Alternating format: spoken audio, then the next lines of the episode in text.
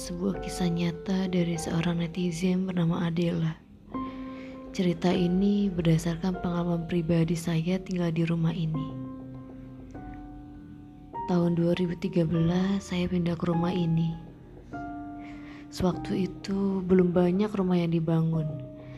Sangat sepi, membuat saya ketakutan ketika keluar rumah. Bisa saja orang tak dikenal membawa senjata tajam masuk ke dalam rumah. Singkat cerita, pada sore hari selepas mandi, saya jalan menuju kamar. Tak sengaja, dari jendela dapur saya melihat sekilas perempuan berambut panjang mengenakan pakaian serba hitam. Saya tidak tahu siapa itu.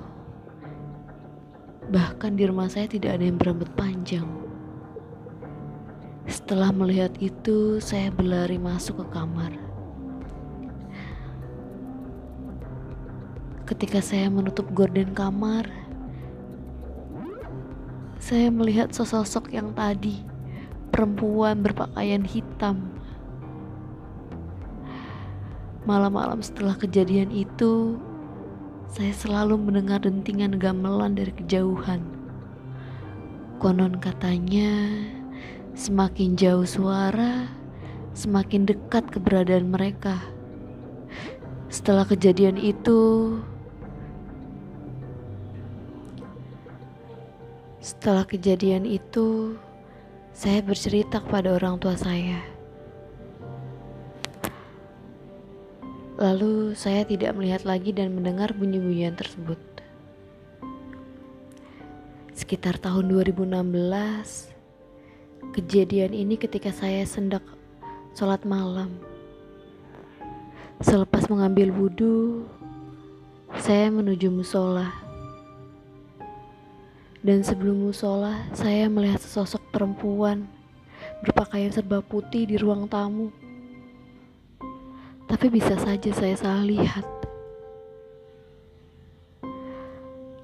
Lalu saya masuk ke kamar musola yang gelap dan saya lupa menyalakan lampu. Bodohnya saya malah membuka gorden jendela. Dan kalian tahu apa yang saya lihat di luar jendela? Saya melihat beberapa penampakan. Saya melihat pocong. Satu, dua, tiga, bahkan lima. Dan banyak sesosok kuntilanak sedang bermain di halaman depan rumahku. Otomatis saya langsung tutup gorden langsung sholat.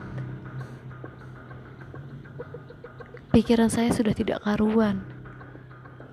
Takut, saya gemetar Lalu saya melaksanakan sholat dengan sangat cepat.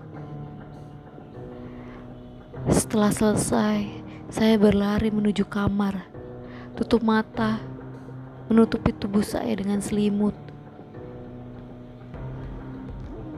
Sekitar bulan Juni, saya lulus SMA. Setelah itu, saya tidak ada kegiatan, hanya berdiam di rumah saja. Selama beberapa hari, saya selalu mencium bau amis, padahal saya tidak sedang menstruasi. Toh, kalau ada hantu, biasanya bau melati atau bau kenanga. Karena sudah sering mencium bau anyir darah, saya penasaran, lalu saya bertanya kepada ibu. Ibu bilang, kalau bau seperti itu biasanya ada kuntilanak. Saya menjawab dengan santai, karena saya sudah biasa melihat pemandangan itu. Dan saya melihatnya lagi di jendela kamar.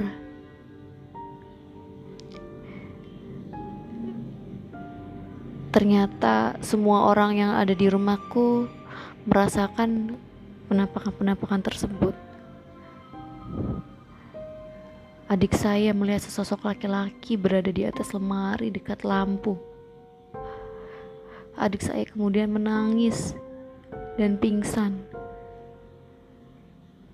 Lalu kakak saya melihat sesosok hitam dan putih yang berada di dapur. Entah berapa banyak yang melihat sosok itu di dapur. Semenjak banyak kejadian aneh di rumah saya, keluarga saya memutuskan untuk pindah dari rumah itu.